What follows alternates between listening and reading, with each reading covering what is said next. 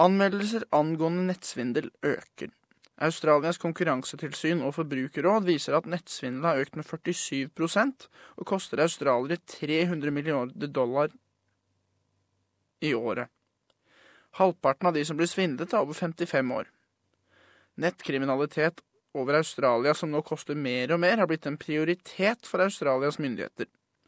Interpool identifiserer to typer nettkriminalitet.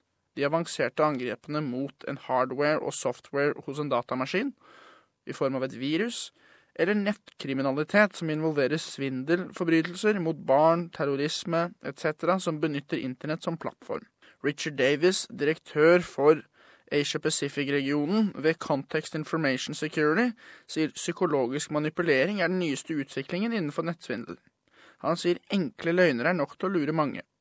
Basic scams. They call them one of them the love scam, where um, someone uh, pretends to be a, a boyfriend, effectively, um, and then requests money, and then quite often the individual can get sucked into it. Slowly develops over time, and they end up giving out a large amount of money, so several hundred thousand dollars sometimes.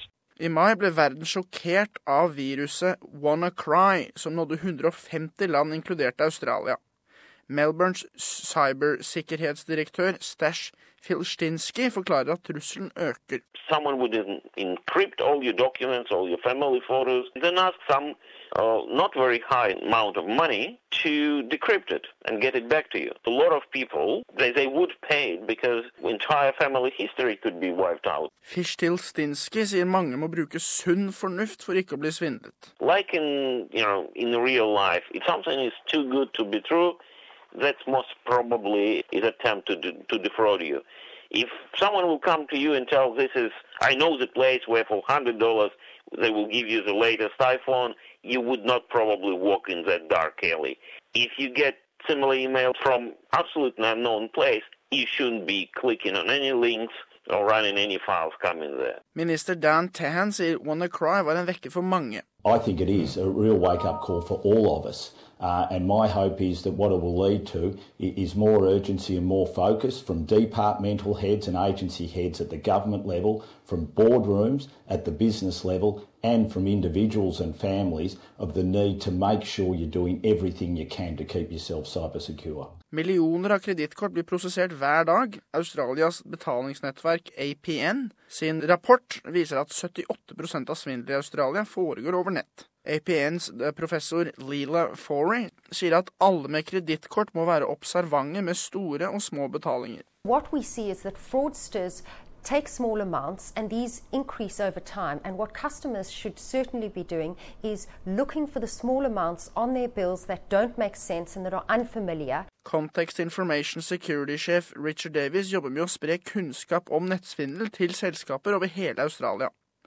Hans opplæring om phishing er har hatt variert success. The results that we found have been quite interesting for, for campaigns that are conducted every sort of two or three months.